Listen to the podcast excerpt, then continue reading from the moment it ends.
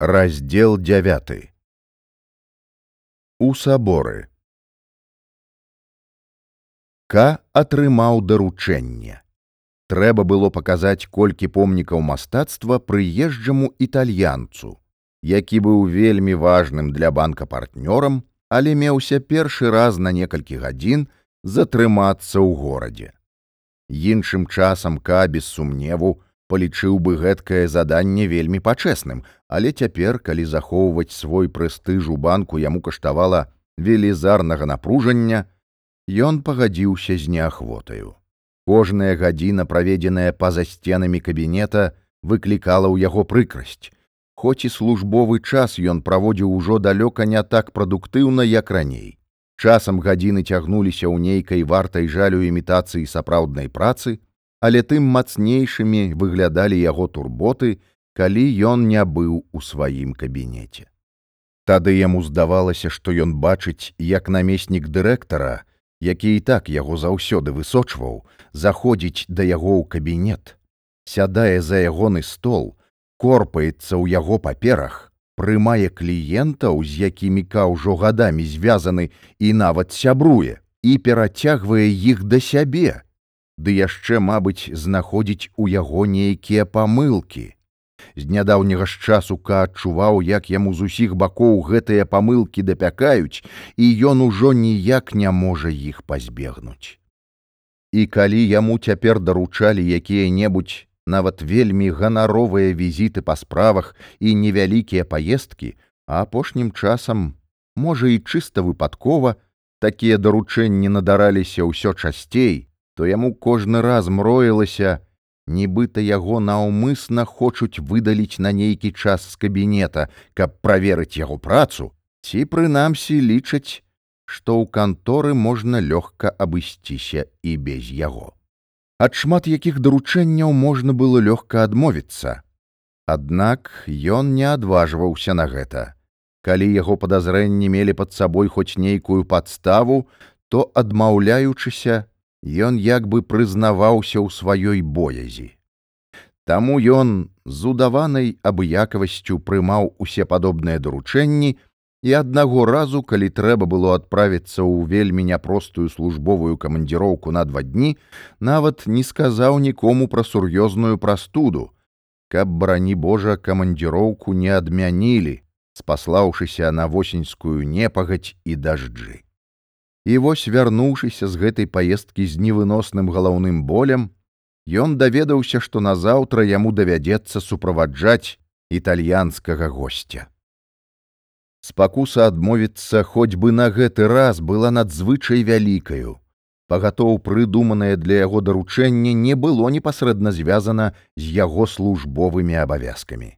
Безумоўна, дзеля справы было вельмі важна прадэманстраваць прыезджаму гасціннасць, але для к гэта ніякага значэння не мела. Ён выдатна ведаў, што ўтрымацца на службе ён можа толькі дзякуючы сваім поспехам у вырашэнні спраў, А калі гэта не ўдасца, то ўсё астатняе сэнсу не мае. Нават калі ён нечакана зачаруе гэтага італьянца. Яму не хацелася ні на адзін дзень адрывацца ад працоўнай абстаноўкі. Занадта вялікі быў страх, што яго больш не дапусцяць да працы. І хоць ён добра разумеў, наколькі гэты страх перабольшаны, адчуваў ён сябе непамысна. Аднак у гэтым выпадку было амаль немагчыма знайсці добрапрыстойную нагоду, каб адмовіцца ад даручэння. Ка хоць і не вельмі добра, але цалкам дастаткова валодаў італьянскай моваю, а галоўнае, з юначых гадоў разбіраўся ў пытаннях мастацтва, а ў банку гэтым ягоным здольнасцям надалі залішне вялікае значэнне, асабліва даведаўшыся, што ка пэўны час, што праўда, з чыста прагматычных меркаванняў, быў сябрам мясцовага таварыства аховы помнікаў даўніны. Паколькі ж італьянец меў славу прыхільніка мастацтва, то роля гіда само сабою выпала на долю ка. Раніца была дажджлівая, Дзьмуў парывісты ветер каліка, загадзя цвелячы сябе прыдумцы пра заўтрашні дзень, ужо а сёмай раніцы з'явіўся ў банк, каб выканаць хоць бы частку працы, пакуль яму не перашкодзіць візіт госця. Ён вельмі стаміўся, праседзеўшы да позняе начы над італьянскай граматыкай, каб крыху падрыхтавацца. Цяпер яго цягнула да акна, дзека апошнім часам не раз знаходзіўся даўжэй, чым за пісьмовым сталом. Але ён адолеў спакусу і сеў за працу.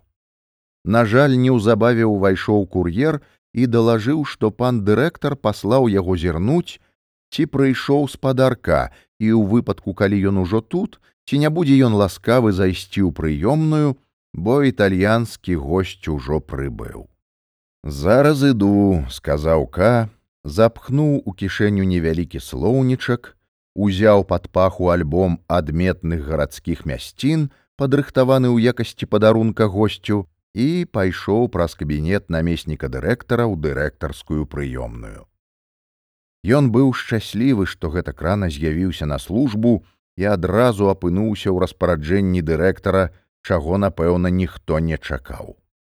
Зразумела, кабінет намесніка быў яшчэ пусты, быццам яшчэ доўжылася глыбокая ноч. Відаць, дырэктар пасылаў кур'ера і па яго, каб запрасіць яго ў прыёмную, але ж таго на месцы не было. Калі каў увайшоў у прыёмную, Яму насустрач з глыбокіх фатэляў падняліся два паны. Дырэктар ветліва ўсміхаўся, мабыць, вельмі ўзрадаваны яго прыходам і адразу пазнаёміў яго з італьянцам. Той моцна паціснуў каруку і з усмешкаю сказаў нешта наконт ранніх птахаў. Ка не адразу зразумеў, што хоча сказаць госць, ды і слова было нейкае незнаёмае, і ка толькі потым адгадаў яго сэнс. Ка адказаў нейкай гладкай фразаю, італьянец зноў засмяяўся і некалькі разоў пагладзіў свае пышныя, сіне-чорныя сівізною вусы. Вусы былі відавочна надушаныя, нават хацелася падысці бліжэй, ды іх панюхаць. Калі ўсе зноў селі і пачалі кароткую уступную гутарку, Ка раптам спалохана заўважыў, што разумее італьянца толькі ўрыўкамі. Калі той казаў зусім спакойна, Ка разумеў амаль усё, але гэта было рэдка. Збольшага гаворка госця лілася суцэльнай плынню, і ён пры гэтым раз пораз радасна трос галавою. А галоўнае ў захапленні ён увесь час пераходзіў на нейкі дыялект, у якім Ка нават не ўловліваў італьянскіх слоў. Затое дырэктар не толькі ўсё разумеў, але і адказваў на гэтым жа дыялекце. Зрэшты К павінен быў гэта прадбачыць, бо госць быў родам з паўднёвай італіі, а дырэктар калісьці пражыў там некалькі гадоў. У кожным разе калічыў, што ў яго амаль не будзе магчымасці паразумецца з італьянцам. Па-французску той размаўляў гэтаксама невыразна, а прытым вусы хавалі ягоны рот. Іначай па руху вуснаў яго можна было б зразумець лягчэй. Ка прадбачыў шмат непрыемнасцяў і пакінуў пакуль што любыя спробы зразумець італьянца, пагатоў у прысутнасці дырэктара, які разумеў яго без цяжкасцяў. Гэта было б непатрэбнай напругаю. Ка абмежаваўся тым, але з пэўнай прыкрасцю назіраў, як госць нязмушана і разам з тым лёгка адкінуўся ў глыбокім фатэлі, як ён раз за разам абцягвае свой караценькі, ладна пашыты сурдут, і тут жа раптам, высока падняўшы локці і свабодна варушачы даланямі, спрабуе паказаць нешта, чаго ка ніяк не мог зразумець, хоць увесь падаўся наперад, не адводзячы вачэй ад рук італьянца. Але ўрэшце ад гэтага безуважнага, зусім механічнага сузірання чужой размовы Ка адчуў ранейшую стомленасць і, на шчасце своечасова, са страхам злавіў сябе на тым, што праз сваю безуважлівасць ён хацеў ужо быў падняцца, павярнуцца ды пайсці прэч. І нарэшце італьянец зірнуў на гадзіннік і ўскочыў з месца. Развітаўшыся з дырэктарам, ён гэтак блізка падышоў дака, што таму давялося адсунуцца, каб устаць. Дырэктар, заўважыўшы, як разгубіўся ка ад гэтага італьянскага дыялекту, далучыўся да размовы ды так разумна і далікатна, што здавалася, быццам ён толькі дае нязначныя падказкі, хоць па праўдзе ён сцісла перакладаў для ка ўсё тое, што казаў няўрымслівы італьянец, перапыняючы таго на кожным слове. Такім чынам ка даведаўся, што італьянцу абавязкова трэба зрабіць нейкія справы, і хоць у яго, на жаль, вельмі мала часу, Ён ні ў якім разе не мае намеру паспешліва аглядаць усе славутыя мясціны горада і збіраецца, калі толькі ка дасць згоду, а вырашаць менавіта яму, агледзець усяго адзін сабор, але затое як мага больш дэталёва. Ён будзе надзвычай шчаслівы аглядаць гэты помнік архітэктуры ў суправаджэнні гэткага дасведчанага і гэткага ветлівага спадарожніка, Так ён выказаўся прака, які з усяе сілы імкнуўся не слухаць італьянца, а лавіць на ляту тлумачэнні дырэктара. Вось жа госць просіць ка, калі толькі яму гэта зручна, сустрэцца ў саборы прыкладна гадзіны праз дзве, гэта значыць каля дзясятай. Сам ён спадзяецца ўжо да гэтага часу вызваліцца і прыбыць туды. Ка адказаў як належала італьянец паціснуў руку дырэктару, потым к, потым зноў дырэктару і ў іх суправаджэнні пайшоў да дзвярэй, ужо амаль не паварочваючыся, але ўсё яшчэ не перастаючы гаварыць. К яшчэ трохі прабыў у дырэктара. Той сёння выглядаў вельмі змучаным. Дырэктару здавалася, што ён за нешта павінен папрасіць перадка прабачэння, і ён сказаў па-сяброўску, стоячы з ім побач, што спачатку збіраўся быў сам суправаджаць італьянца, але потым прычыны ён тлумачыць не стаў, вырашыў лепш паслаць ка.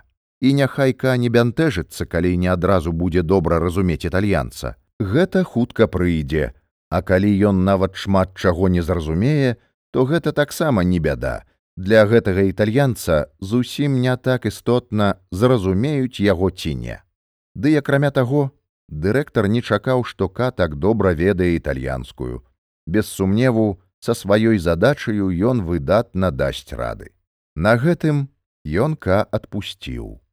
Усю рэшту часу ка выдаткаваў на выпісванне са слоўніка цяжкіх слоў, якія маглі яму спатрэбіцца пры аглядзе сабора. Праца была надзвычай нудотная, а тут яшчэ кур'еры прыносілі пошту, Службоўцы заходзілі па даведкі і, бачачы, што ка заняты, спыняліся ў дзвярах, але не сыходзілі, пакулька іх не выслухоўваў. Намеснік дырэктара таксама не прапускаў выпадку і ўсяляк замінаўка. Ён наўмысна заходзіў, браў з руку каслоўнік і, відавочна без усялякай патрэбы гартаў яго. А калі дзверы прачыняліся, кліенты, якія чакалі ў прыёмнай, з'яўляліся з паўзмроку і нясмела кланяліся. Відаць, яны хацелі звярнуць на сябе ўвагу і не былі ўпэўненыя, ці іх адтуль бачаць, у той час як самка, які апынуўся як бы цэнтрам гэтага віру, імкнуўся складаць фразы, шукаў патрэбныя словы ў слоўніку, выпісваў іх, практыкаваўся ў вымаўленні словаў і ўрэшце спрабаваў завучыць іх на памяць але ягоная звычайна добрая памяць як быццам цалкам яму здрадзіла. І ў ім раз пораз успыхвала такая злосць на італьянца які змушаў яго гэтак пакутаваць што ён раз за разам браў і запіхваў слоўнік пад паперы з цвёрдым намерам больш не рыхтавацца але потым уцяміўшы што ўсё-ткі не можа моўчкі хадзіць за італьянцам па саборы і толькі як той нямко разглядаць творы мастацтва, зноў з яшчэ большаю злосцю выцягваў слоўнік. А палове на дзясятую, каліка ўжо збіраўся сыходзіць, зазваніў тэлефон. Лені, пажадаўшы яму добрай раніцы, спыталася, як ён сябе адчувае. Ка паспешліва падзякаваў і сказаў, што цяпер размаўляць не можа, бо спяшаецца ў сабор. Як у сабор? спытала Лені. Так, у сабор. А навошта табе ў сабор? спытала Лені. Ка паспрабаваў сцісла растлумачыць, у чым справа, але не паспеў пачаць, як лені яго перапыніла. Цябе зацкавалі, сказала яна. Ка цярпець не мог нечаканай няпрошанай спагады, таму коротко развітаўся з лені, але паклаўшы ўжо слухаўку, ўсё ж сказаў: ці то сабе, ці то дзяўчыне, якая была далёка і ўжо не магла яго чуць. Сапраўды, мяне зацкавалі. Было ўжо позна і магло здарыцца, што ён спозніцца. У апошнюю хвіліну, перш чым сесці ў таксі, ён спахапіўся, што не паспеў уручыць італьянцу альбом і прыхапіў яго з сабою. Ён трымаў альбом на каленях і ўвесь час едучы нецярпліва пастукваў па ім пальцамі. Дождж ужо амаль скончыўся, але было вільготна, холадна і змрочна. Напэўна, у саборы нічога не будзе відаць, і, вядома, ад стаяння на халодных плітах прастудаўка толькі абвострыцца. На саборным пляцы было пуста. Каў згадаў тое, што заўважыў яшчэ ў дзяцінстве. У будынках, якія атачаюць гэтую тлумную плошчу, шторы амаль заўсёды апушчаныя. Што праўда, пры такім надвор'і гэта было больш зразумела, чым звычайна. У саборы таксама было зусім бязлюдна, наўрад ці хто-небудзь мог дадумацца прыйсці сюды ў гэткі час. Ка хуценька прайшоў цераз абодва нефы і сустрэў там толькі нейкую старую жанчыну, захутаную ў цёплую хустку.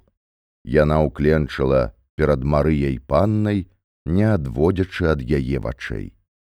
Воддаль ён убачыў яшчэ нейкага служку, але той, кульгаючы, знік у дзвярах у тоўшчы муру. Ка прыйшоў дакладна ў час. Калі ён уваходзіў, прабіла дзясятую, але італьянец яшчэ не з'явіўся. Ка вярнуўся да галоўнага ўваходу, нерашуча пастаяў там і потым, нягледзячы на дождж, абышоў увесь сабор звонку, каб паглядзець, ці не чакае яго італьянец каля аднаго з бакавых уваходаў. Але і там нікога не было. Можа, дырэктар недакладна зразумеў, які час прызначыў госць, Ды хіба можна было зразумець гэтага тыпуса. У кожным разе ка павінен быў пачакаць яго хоць бы якія паўгадзіны. Прытым ён вельмі стаміўся, таму неўзабаве вярнуўся ў сабор і, убачыўшы на прыступцы нейкі абрывак кілімчыка, падсунуў яго мыском бота сабе пад ногі і, шчыльней захінуўшыся ў паліто, наставіў каўнер і сеў на лаву. Каб разагнаць непатрэбныя думкі, ён узяў альбом, пагартаў яго крыху, але і ад гэтага давялося адмовіцца зрабілася гэтак цёмна, што нават у суседнім нефіка нічога не мог разгледзець. Удалечыні на галоўным алтары вялікім трохкутнікам гарэлі свечкі. Ка не мог з упэўненасцю сказаць, ці бачыў іх калі-небудзь раней. Магчыма, іх толькі што запалілі. Касцельныя служкі ходзяць, як патрабуе іх занятак нячутна, ды іх і не заўважыш. Калі ка выпадкова азірнуўся, то ўбачыў, што непадалёк каля адной калоны гарыць высокая тоўстая свечка. Няхай гэта і было вельмі прыгожа, але для асвятлення алтарнага жывапісу, размешчанага ў цемры сакрыстый, такога святла было недастаткова. Яно толькі ўзмацняла цямрэчу. Італьянец зрабіў хоць і не надта ветліва, але разумна, не з'явіўшыся ў сабор. Усё адно нічога не было відаць, давялося абаглядаць выявы фрагментамі пры святле кішэннага ліхтарка, які ўзяў з сабойка. Каб паглядзець, як гэта будзе, Ка прайшоў да адной з бакавых капліц, падняўся на прыступкі да невялікай мармуровай агароджы і, нахіліўшыся цераз яе, асвятліў ліхтарыкам алтарны абраз. Лампадка, гайдаючыся перад абразом, яму толькі замінала. Першым, што ка збольшага ўбачыў, пра што збольшага здагадаўся, была велізарная фігура рыцара ў латах, якая змяшчалася з самага краю выявы. Рыцар абапіраўся на меч, уваткнуты ў голую зямлю, толькі дзе-нідзе з яе прабіваліся рэдкія травінкі. Здавалася, што гэты рыцар уважліва за чымсьці назірае. Дзіўна было, што ён застыў на месцы без усялякага руху. Відавочна, ён быў прызначаны стаяць на варце. Ка, які ўжо даўно не бачыў ніякіх карцін, доўга разглядаў рыцара, няспынна міргаючы ад напругі і невыноснага зеленаватага святла ліхтарыка. Асвятліўшы ліхтарыкам астатнюю частку абраза, ён убачыў грабакладзены цела Христовага у звычайнай трактоўцы. Апроч таго, абраз быў даволі новы. Ён паклаў ліхтарык у кішэню і сеў на ранейшае месца. Чакаць італьянца ўжо не выпадала, але на дварэ відавочна ліў моцны дождж. І паколькі ў саборы насуперак чаканаму было не надта халодна, ка вырашыў перачакаць пакуль тут. Побач з ім узвышаўся галоўны амбон. Яго маленькі круглявы дашак быў аздоблены двума контурнымі залатымі крыжамі, якія ляжалі на палову нахіленыя, сутыкаючыся верхнімі канцамі. Звонкавага боку і парэнчы і пераход да апорнай калоны ўпрыгожвала разьба ў выглядзе зялёнай лістоты, якая аплятала анёлкаў.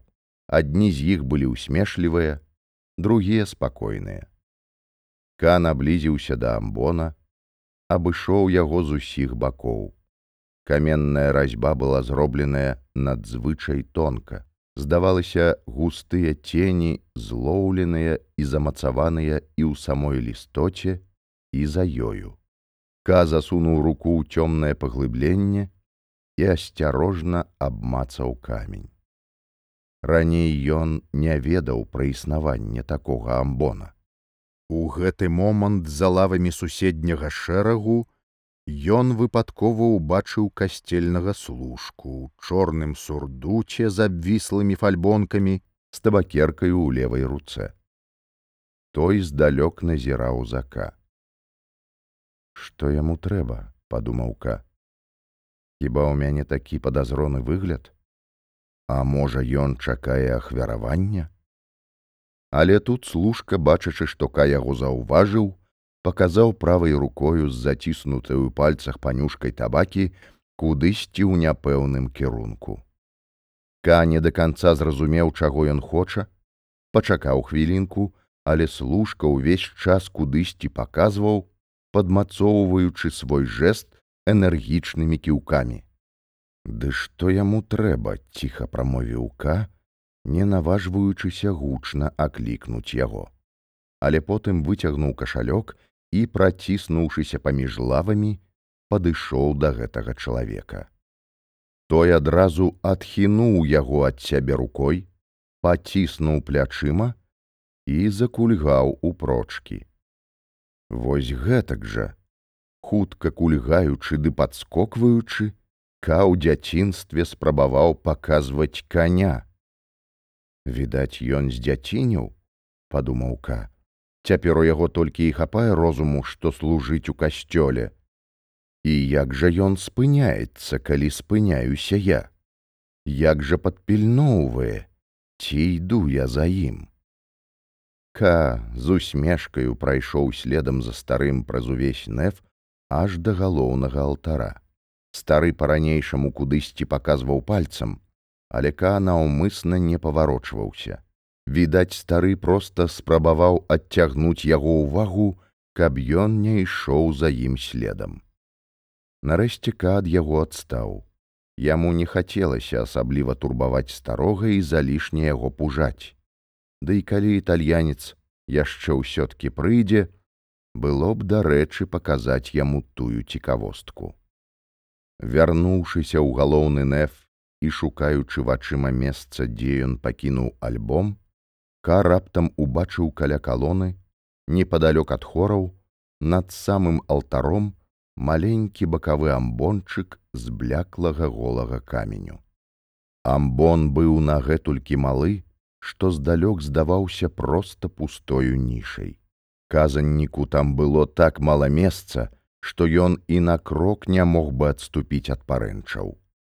Акрамя таго, мураванае скляпенне над амбонам пачыналася надзвычай нізка і закругленне так рэзка ішло ўгару, што хоць на ім не было ніякай ляпніны, чалавек сярэдняга росту не мог бы там выпрастацца і быў бы вымушаны ўвесь час стаяць, перагнуўшыся цераз парэнчы. Здавалася, ўсё было задумана знарок дзеля пакут казанніка, і немагчыма было зразумець, навошта гэты амбон патрэбны, калі ёсць галоўны, вялікі і цудоўна аздоблены алтар. Ка, напэўна, не звярнуў бы на гэты маленькі амбон ніякай увагі, калі б над ім не гарэла газніца кшталту тых, што звычайна запальваюць непасрэдна перад казанню. Няўжо акурат цяпер хтосьці збіраецца чытаць казань. Тут, у пустым саборы, Ка паглядзеў на маленькія сходы, што амаль прыляпіўшыся да калоны, вялі на амбон. Яны былі настолькі вузкія, што здавалася, служылі не людзям, а проста аздаблялі калону. Але тут кара згублена усміхнуўся, убачыўшы, што каля першай прыступкі сходаў сапраўды стаяў святар, паклаўшы руку на парэнчы і нібы збіраючыся падняцца на амбон. Пры гэтым ён глядзеў на ка. Потым ён злёгку кіўнуў, і ка, перажагнаўшыся, пакланіўся ў адказ, хоць яму варта было зрабіць гэта яшчэ раней.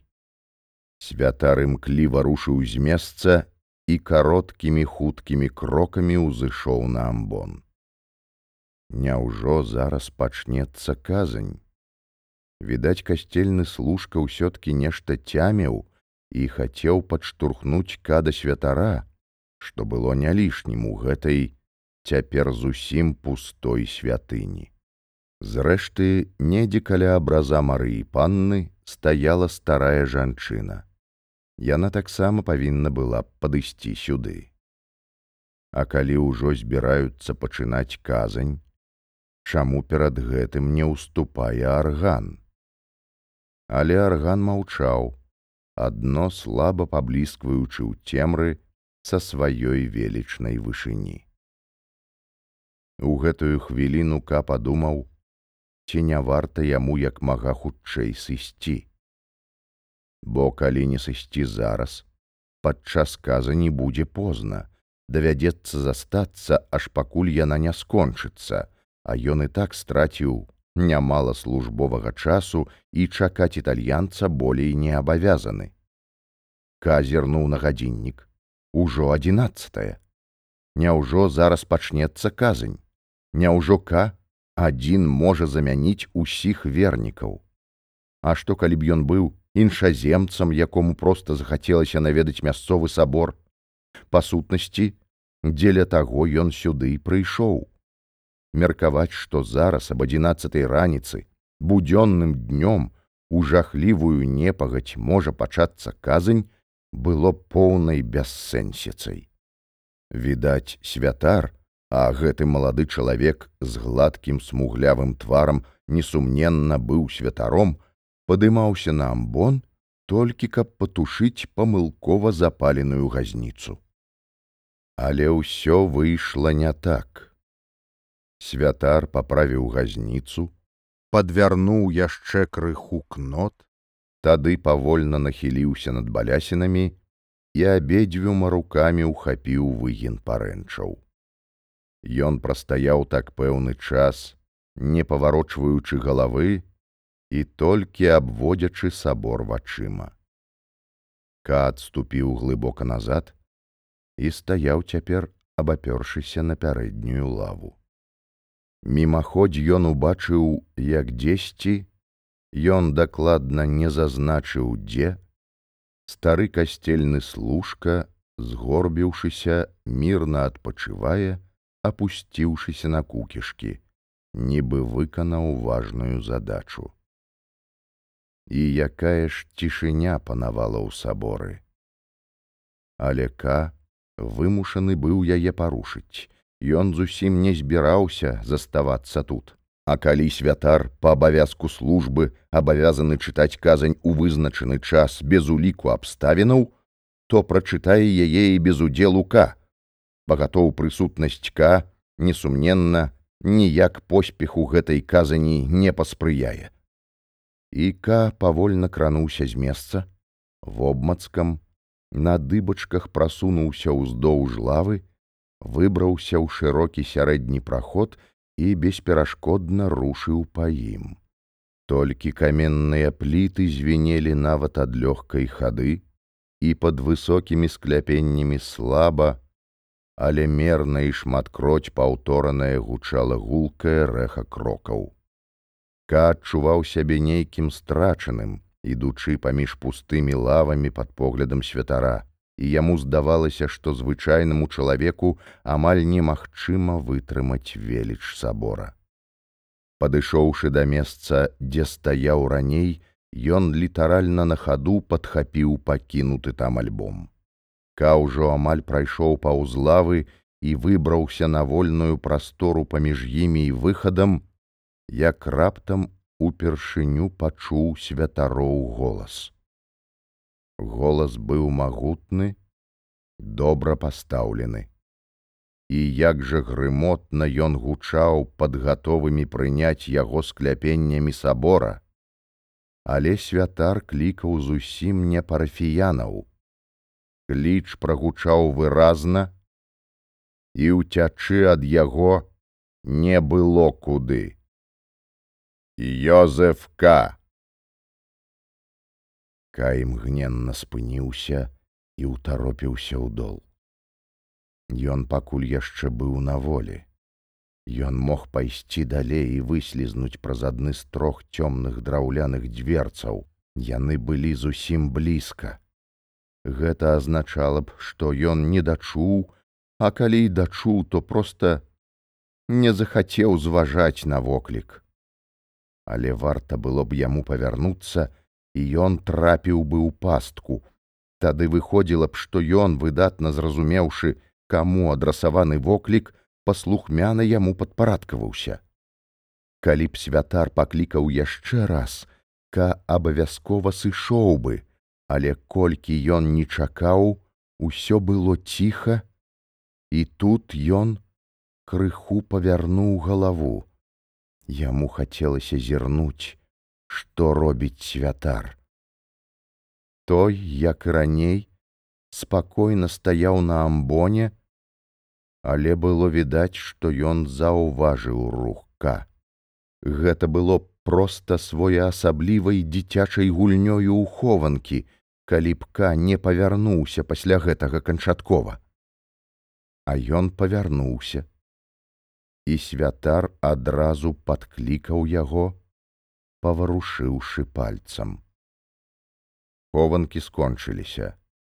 Іка, крыху ад цікаўнасці, крыху ад жадання не зацягваць справы, шпаркай, шырокай хадою рушыў назад да амбона. На ўзроўні першага шэрагу лаваў ён спыніўся, але святару гэтая адлегласць падалася занадта вялікаю. Ён выцягнуў руку і рэзка тыцнуў указальным пальцам на месца перад сабою каля падножжа амбона. Ка падышоў так блізка, што каб бачыць святара, яму давялося высока задзіраць голаў. Ты Йозефка, сказаў святар і неяк няпэўна павёў рукою, што ляжала на балюстрадзе. Я, адказаў Ка і падумаў, як лёгка і адкрыта ён даўней называў сваё імя, а з пэўнага часу гэта стала для яго цяжарам. Цяпер яго імя ведалі шмат якія людзі, з якімі ён сутыкаўся ўпершыню А як было прыемна раней, спачатку называеш сябе і толькі пасля гэтага заводзіш знаёмства. Ты абвінавачаны, сказаў святар зусім ціха. Так, сказаўка, мне пра гэта паведамілі. Значыць, ты той, каго я шукаю, сказаў святар. Я турэмны капелан. Вось яно што сказаўка. Я загадаў паклікаць цябе сюды, сказаў святар, каб пагаварыць з табою. Я гэтага не ведаў, сказаўка. Я прыйшоў сюды, каб паказаць сабор аднаму італьянцу. Адкінь гэтыя пабочныя думкі, сказаў святар. Што ў цябе ў руках? Малітоўнік? Не, сказаўка, гэта альбом тутэйшых знакамітых мясцін. Пакладзі яго, сказаў святар. І каш пурнуў альбом гэтак рэзка, што ён разгарнуўся і пакамечанымі старонкамі слізгануў па падлозе. Ці ведаеш ты, што з тваім працэсам справа ідзе дрэнна, спытаў святар. Ну, мне таксама гэтак здаецца, адказаўка. Я стараўся па-ўсякаму, але пакуль беспаспяхова, што праўда, хадайніцтва яшчэ не гатовае. А як ты сабе ўяўляеш канец? спытаў святар. Спачатку я думаў, што ўсё скончыцца добра, сказаўка, але цяпер часам ужо сумняюся. Не ведаю, чым гэта скончыцца. А ты ведаеш? Не, сказаў святар, але баюся скончыцца дрэнна. Яны лічаць, што ты вінаваты. Можа, твой працэс і не выйдзе за межы ніжэйшых судовых інстанцый але пакуль што ва ўсякім разе лічыцца, што твая віна даказаная. Але ж я не вінаваты, гэта памылка. І як наогул чалавек можа лічыцца вінаватым. Мы ж тут усе людзі, што я, што хтосьці іншы. Слушна, сказаў святар, але вінаватыя заўсёды так кажуць. І ты таксама глядзіш на мяне перадузята, спытаў ка. Ніякай перадузятасці ў мяне няма, адказаў святар. І за гэта дзякуй сказаў ка, А вось астатнія ўдзельнікі працэсу усе глядзяць перадузята і ўплываюць на тых, хто не ўдзельнічае. Маё становішча ўвесь час пагаршаецца. У цябе няслушнае ўяўленне пра сутнасць справы, сказаў святар. Прысуд не выносіцца адразу, але разбіральніцтва паступова пераходзіць у прысуд. Вось як, сказаў Кай і нізка апусціў галаву. Што ж ты збіраешся прадпрыняць далей у сваёй справе, спытаў святар. Буду далей шукаць дапамогі сказаў ка і падняў галаву каб паглядзець як да гэтага паставіцца святар. Ёсць яшчэ некаторыя магчымасці якімі я не карыстаўся ты занадта шукаеш дапамогі ў іншых няўхвальна сказаў святар асабліва ў жанчын Няўжо ты не бачыш што гэтая дапамога несапраўдная У пэўных выпадках і нават даволі часта я мог бы з табою пагадзіцца, адказаўка, але далёка не заўсёды. Жанчыны маюць вялікую ўладу. Калі б я мог паўплываць на некаторых знаёмых мне жанчын і яны супольна папрацавалі на маю карысць, я шмат бы чаго дамогся, асабліва ў гэтым судзе бо там спрэс адны бабздыры. Пакажы следчаму хоць бы здалёк жанчыну, Дык ён будзе гатовы хоць цераз стол, хоць цераз абвінавачанага пераскочыць, абы яе ўхапіць. Святар нізка нахіліў галаву да парэнчаў. Здавалася, толькі цяпер нізкае скляпенне амбона пачало на яго ціснуць. І што ж за брыдкае надвор'е звонку. Там ужо быў непахмурны дзень. Там настала глыбокая ноч. Вітражы велізарных вокнаў не асвятлялі цёмныя муры ані пробліскам. А тут яшчэ служка пачаў адну за адною тушыць на галоўным алтары свечкі. Ты раззлаваўся на мяне, спытаў каў святара. Відаць, ты сам не ведаеш, якому правасуддзю служыш. Адказу не было. Натуральна, я ведаю толькі тое, што звязана са мною працягваўка і раптам святар выгукнуў зверху. Няўжо ты за два крокі ўжо нічога не бачыш. Вокрык прагучаў гняўліва, але гэта быў голас чалавека, які бачыць, як іншы падае і неспадзявана мімаволі ўскрыквае, бо і сам спалохаўся.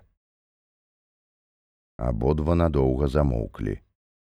Вядома, святар не мог як след разгледзець каў цемры, што згусцела ўнізе, затое ка выразна бачыў святара пры святле маленькай газніцы. Але чаму ж ён не сыходзіць долу? Казані ён усё адно не прамовіў, хіба толькі паведаміў ка звесткі, якія, калі падумаць, могуць яму хутчэй нашкодзіць, чым дапамагчы. Праўда, ка ні звання не сумняваўся ў добрых святаровых намерах. Цалкам магчыма, што ён спусціцца долу і яны пра ўсё дамовяцца. Цалкам магчыма, што святар дасць яму вырашальную і цалкам прымальную параду. Напрыклад, раскажа не так пра спосабы, якімі можна паўплываць на працэс, як пра магчымасці з яго вырвацца, абысці яго, пачаць жыць па-за працэсам павінна ж быць нейкая такая магчымасць апошнім часам ка ўсё часцей пра яе думаў і калі святар пра такую магчымасць ведае дык можа калі яго вельмі попрасіць ён пакажа яе. Няхай і сам належыць да судовых колаў. Бо накрычаў жа ён нака насуперак сваёй уяўнай лагоднасці калі ка зачапіў правасуддзе. Ці не спусцішся сюды ўніз спытаў ка. Казань прамаўляць усё роўна ўжо патрэбы няма. Сыходзь да мяне цяпер магу і сысці сказаў святар відаць ён раскайваўся што накрычаў здымаючы газніцу з крука ён дадаў спачатку я павінен быў пагаварыць з табой адсюль на адлегласці іначай на мяне вельмі лёгка паўплываць і я забываюся на свае абавязкі. Ка чакаў яго ўнізе каля вузкіх сходаў. Святар яшчэ з прыступак на хаду працягнуў яму руку. Можаш прысвяціць мне яшчэ трошкі часу, спытаўка. Столькі, колькі табе спатрэбіцца, адказаў святар і перадаў кагазніцу, каб той нёс яе сам у святаровай паставе і пры поглядзе зблізу захоўвалася нейкая ўрачыстасць. Ты вельмі да мяне прыязны, сказаў ка, і яны пачалі разам хадзіць сюды туды па цёмным нефе. З усіх судовых асоб ты вынятак. Я давяраю табе больш, чым усім, каго ведаў дагэтуль. З табою можна гаварыць шчыра. Не падманвай сябе сказаў святар. У чым жа гэта мне сябе не падманваць спытаўка ты маеш ілюзіі наконт суда адказаў святар Вось што сказана пра гэтую памылку ва ўводзінах да закона. Перад брамай закона нясе варту прыбрамнік. І прыходзіць да прыбрамніка нейкі вясковец і просіць прапусціць да закона. Але прыбрамнік кажа, што ў гэтую хвіліну прапусціць яго не можа.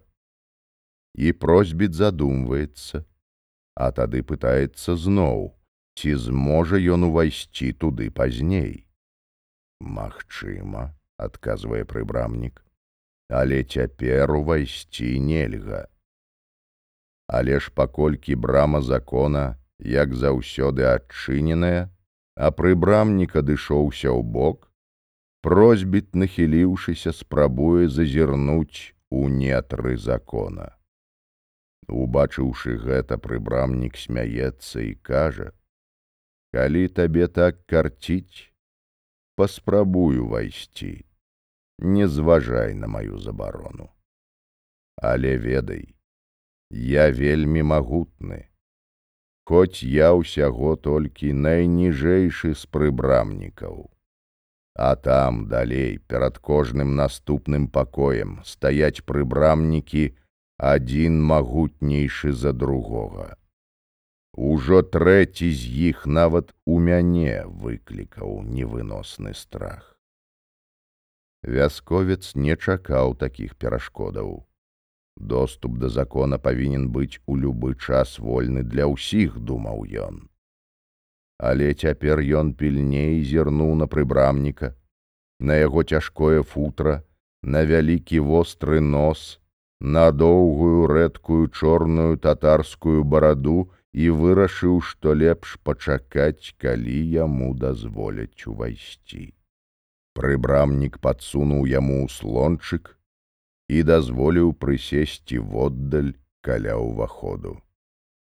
І сядзіць ён там дзень за днём і год за годам. Няспынна дамагаецца ён, каб упусцілі яго ў сярэдзіну і дакучае прыбрамніку гэтымі просьбамі. Часам прыбрамнік дапытвае яго, пытаецца, адкуль ён родам і распытвае пра шмат што іншае. Але пытанні задае абыякова, як важны пан, і напрыканцы няспынна паўтарае, што прапусціць яго ўсё яшчэ не можа. Шмат дабра ўзяў з сабою дарогу вясковец, і ўсё, нават самае каштоўнае, ён аддае, каб падкупіць прыбрамніка. А той усё прымае, але пры гэтым кажа: « Бяру, каб ты не думаў, нібыта нешта выпусціў з-пад увагі. Мінаюць гады, увага просьбіта нязменна прыкаваная да прыбрамніка. Ён забыўся, што ёсць яшчэ іншыя вартаўнікі, і яму здаецца, што толькі гэты, першы, не дае яму доступу да закона. Першыя гады ён гучна кляне гэтую сваю няўдачу, а потым прыходзіць старасць, і ён ужо толькі буркоча нешта сам сабе пад нос. Нарэшце ён канчаткова дзяцінее, і паколькі столькі ўжо гадоў вывучаў прыбрамніка і ведае кожную блыху на яго футравым каўняры, Ён просіць моліць нават гэтых блох дапамагчы яму прыбрамніка ўгаварыць. Ужо прыгасае святло ў яго вачах, і ён не разумее, ці гэта ўсё вакол абцямнела, ці яго проста падманвае зрок. Але цяпер, у цемры. Ён бачыць, што непагаснае святло струменіцца з брамы закона. І вось яго жыццё падыходзіць да канца. Перад смерцю ўсё, што ён зведаў за доўгія гады, зводзіцца ў ягоных думках да аднаго пытання. Гэтага пытання ён яшчэ ні разу не задаваў прыбрамніку. Ён кліча яго кіўком галавы. Задубелае цела ўжо не падпарадкоўваецца яму, падняцца ён не можа. І пры брамніку даводзіцца нізка нахіліцца. Цяпер іх колішняя розніца ў росце моцна паменшала. Пра што ты яшчэ хочаш даведацца, пытаецца прыбрамнік ненаедны ты чалавек. Усе ж людзі імкнуцца да закона, кажа той. Як жа так здарылася, што за ўсе гэтыя доўгія гады ніхто акрамя мяне не патрабаваў, каб яго туды прапусцілі. І прыбрамнік, бачачы, што вясковец вось-вось ужо сканае, крычыць з усяе сілы, каб той яшчэ паспеў пачуць адказ. Нікому сюды ўваходу няма. Гэтая брама прызначалася табе аднаму. Зараз пайду і зачыню яе. Значыць, прыбрамнік падмануў гэтага чалавека, паспешліва сказаў ка. Яго па-сапраўднаму захапіў гэты аповед. Не спяшайся, сказаў святар. І не прымай чужых словаў на веру. Я распавёў табе гэтую прыпавесць так, як яна пададзена ва ўводзінах. Там нічога не гаворыцца пра падман. Але ж гэта і так зразумела, сказаў ка. І першае тваё тлумачэнне было зусім слушнае. Прыбрамнік толькі тады расказаў выратавальную праўду, калі гэтаму чалавеку ўжо нічым нельга было дапамагчы.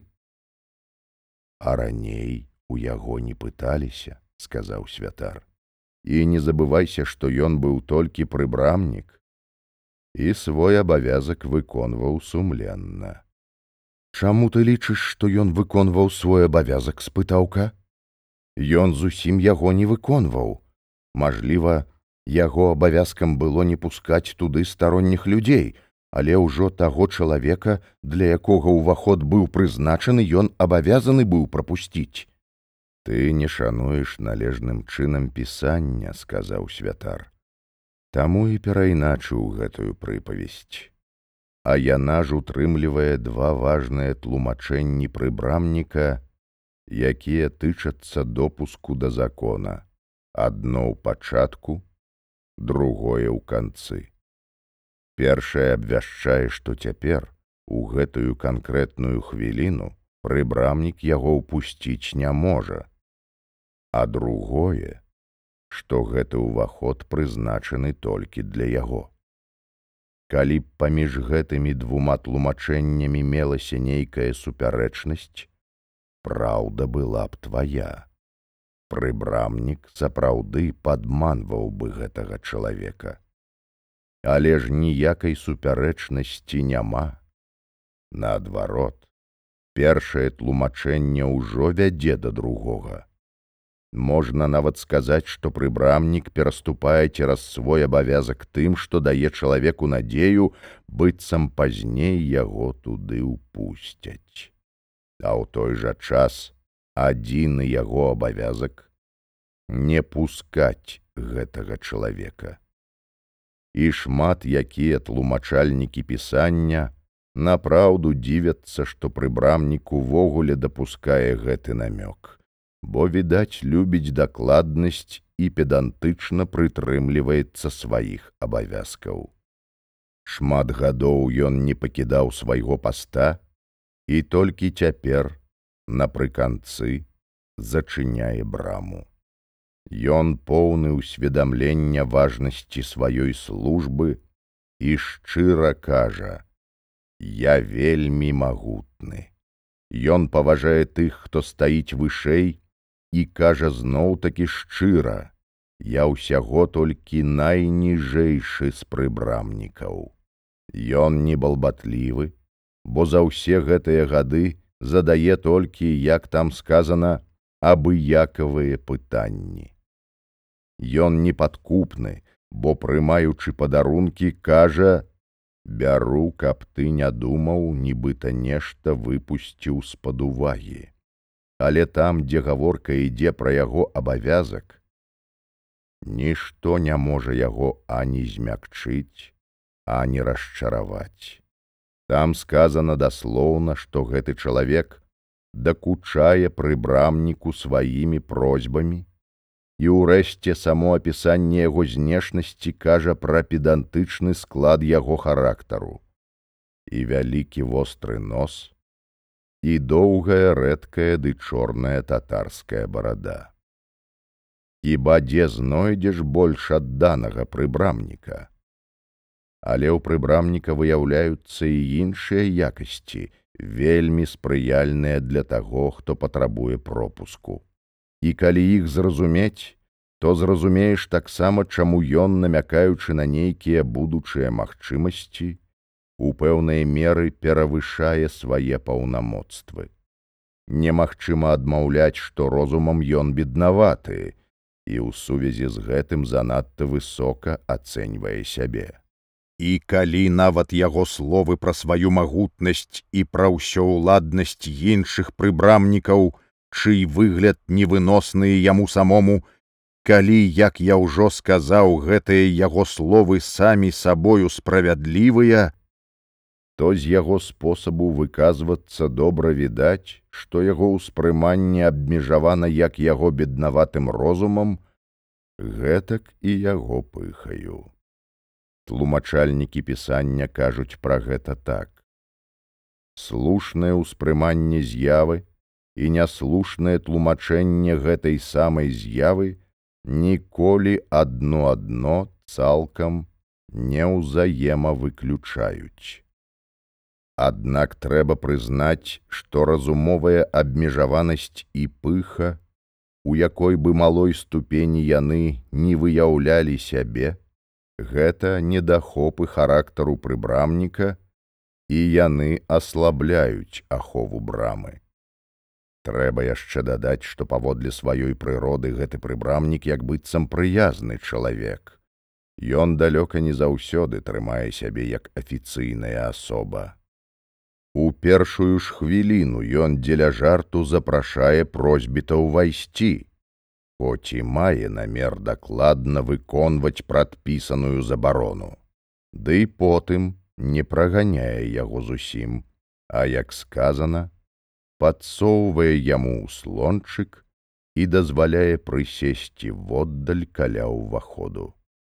І цярплівасць, з якою ён столькі гадоў запар выслухоўвае просьбы гэтага чалавека, і кароткія роспыты, і прыём падарункаў, І нарэшце тая высакароднасць, з якой ён трывае гучныя нараканні вяскоўца на ягоны няўдалы лёс, што менавіта гэтага прыбрамніка паставілі тут, Усё гэта дае падставу меркаваць, што ў душы прыбрамніка маюцца прыкметы спагады. На яго месцы не кожны зрабіў бы так і ён жа напрыканцы нахіляецца да гэтага чалавека пасля аднаго толькі ягонага кіўка галавою, каб усё-ткі выслухаць апошняе пытанне. І толькі ў вокліку ненаедны ты чалавек прабіваецца лёгкая прыкрасць, бо прыбрамнік ведае, што настае канец. А сёй той ідзе ў тлумачэнні гэтага вокліку нават далей, лічачы, што словы ненаедны ты чалавек выказваюць пэўнага кшталту сяброўскае захапленне, не пазбаўленае, вядома, нейкае паблажлівасці.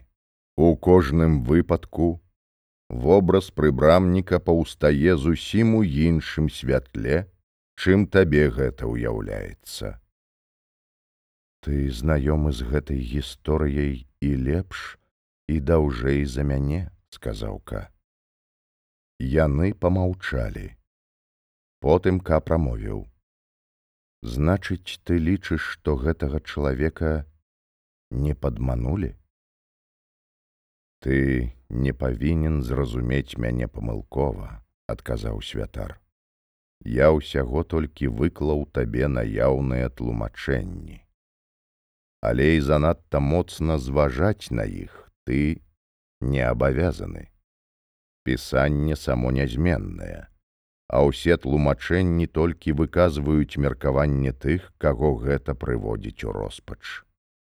Ёсць нават такое тлумачэнне, паводле якога сам прыбрамнік якраз і ёсць падмануты. Ну, гэтае тлумачэнне заходзіць ужо занадта далёка, сказаў ка на чым яно цікава грунтуецца? Грунтуецца яно адказаў святар на разумовай абмежаванасці прыбрамніка. Пра яго сказана, што ён нічога не ведае пра нетры закона, і яму вядомая адна тая сцяжынка перад брамаю, па якой ён толькі і павінен хадзіць сюды туды.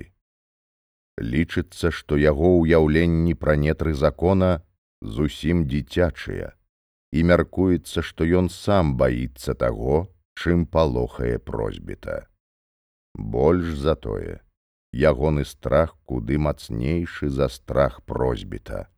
Апошні прагне толькі і выключна аднаго увайсці ў нетры закона, нават пачуўшы пра страшных вартаўнікоў. А прыбрамнік нават увайсці туды не хоча. Прынамсі пра гэта нічога не сказана. Што праўда, іншыя сцвярджаюць, нібыта ён, мабыць, ужо пабываў там у сярэдзіне, бо прымалі ж яго некалі на службу ў суд, а гэта магло адбыцца толькі ў саміх нетрах. Але супраць гэтага ёсць пярэчанні. Маўляў, прыбрамнікам яго прызначыў нечы голас адтуль, а сам ён у тыя нетры хутчэй за ўсё не трапляў, бо адзін ужо выгляд трэцяе варты невыносна яго палохаў. Акрамя таго, Нідзе не сказана, што за ўсе гэтыя гады ён паведаміў хоць што-небудзь пра нетры закона. Можа, яму гэта забаранілі, але і пра забарону ён таксама ні слова не кажа. З усяго гэтага можна зрабіць выснову, што ён сам не ведае ні таго, што дзеецца ў нетрах закона, ні таго, які ў гэтым сэнс і ўвесь час жыве ў аблудзе. Але выглядае на тое, што ён уводзіць сябе ў аблуду і наконт гэтага просьбіта, бо сам таго не ведаючы, ён гэтаму просьбіту падпарадкаваны. Тое, што ён абыходзіцца з просьбітам як з падначаленым, выразна шмат у чым выяўляецца, і ты, пэўна, памятаеш, у чым менавіта. Але ж тое, што ў сутнасці падначалены гэта сам прыбрамнік, таксама відаць не меней выразна, як кажа іншае тлумачэнне. Вольны чалавек заўсёды вышэйшы за чалавека залежнага. А просьбіт па праўдзе чалавек свабодны. Ён можа сысці куды захоча, хіба што ўваходу нетры закона яму забаронены прычым забарона накладзена гэтым прыбрамнікам, а некім іншым. І калі ён сядзіць воддаль на ўслончыку каля брамы і праседжвае там усё жыццё, то робіць гэта добраахвотна і ні пра які прымус прыпавесць аніяк не згадвае. А прыбрамнік звязаны сваёю пасадай з пастом. Ён не можа з яго сысці, а значыць і ў нетры закона пры ўсім жаданні таксама ўвайсці не можа. Акрамя таго, хоць ён і служыць закону, але служба яго абмежаваная толькі гэтым уваходам. Гэта значыць, служыць ён толькі гэтаму чалавеку, адзінаму, для каго ўваход прызначаны. Адсюль вынікае, што і з гэтай прычыны прыбрамнік падуладны просьбіту. Даводзіцца выказаць здагадку, што шмат гадоў, гэта значыць па сутнасці усе свае сталыя гады, Ён служыў, так бы мовіць, марна, бо ў прыпавесці сказана, што да яго прыйшоў мужчына, а пад гэтым разумеецца сталы мужчына, а значыць прыбрамнік быў вымушаны доўга чакаць, перш чым яму будзе дадзена магчымасць выканаць свой абавязак. Прытым чакаць менавіта столькі, колькі заўгодна таму вяскоўцу, бо той прыйшоў па сваёй волі, калі яму заманулася. І сканчваецца яго служба толькі з заканчэннем жыцця вяскоўца. Значыць, прыбрамнік да самага канца яму падуладны. І шмат разоў у прыпавесці пацвярджаецца, што, гледзячы па ўсім прыбрамніку пра гэта нічога невядома. Але тлумачальнікі не ўбачылі ў гэтым нічога дзіўнага, бо згодна з тым самым тлумачэннем прыбрамнік знаходзіцца нават у яшчэ большай аблудзе, якая датычыць наўпрост ягонай пасады. Мы чуем, як напрыканцы прыпавесці ён кажа: « Зараз я пайду і зачыню яе. Але ж у пачатку сказана, што брама ў закон адчыненая, як заўсёды. А калі яна заўсёды адчыненая, менавіта заўсёды, незалежна ад працягласці жыцця таго чалавека, для якога прызначана. Значыць, і прыбрамнік зачыніць яе ніяк не можа. Тут тлумачэнні разыходзяцца. Ці не хоча прыбрамнік, паведамляючы, што зачыніць браму усяго толькі даць адказ, які надае вагі яго абавязкам, або ён імкнецца ў апошнюю хвілю зрынуць просьбітаў пакаяння і смутак. Але большасць пагаджаецца на тым, што зачыніць браму ён не зможа.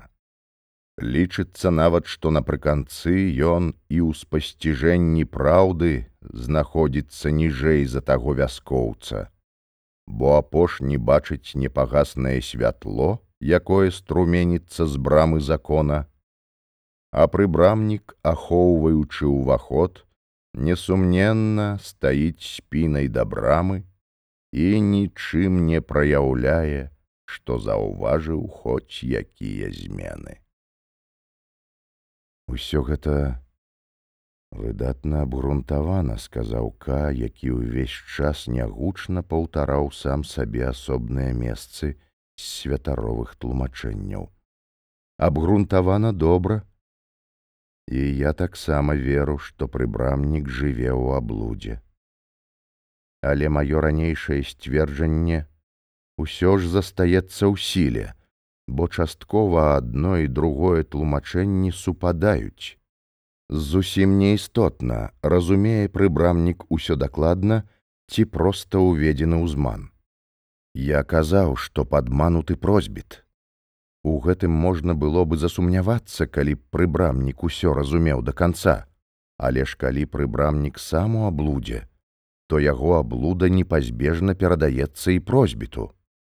І тады, вядома, сам прыбрамнік не ашуканец, але ж выходзіць ён настолькі разумова абмежаваны, што яго неадкладна трэба было б выгнаць са службы. Заўваж таксама, што ашуканства прыбрамніка самому яму ніяк не шкодзіць, а вось просьбіту робіць непапраўную шкоду. Тут ты сутыкнешся з цалкам процілеглым тлумачэннем, сказаў святар.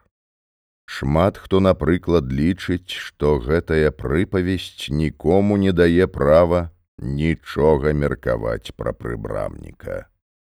Якім бы ён нам не здаваўся, ён слуга закона, а значыць, прыналежны да закона, то ж бо суду чалавечаму не падлягае.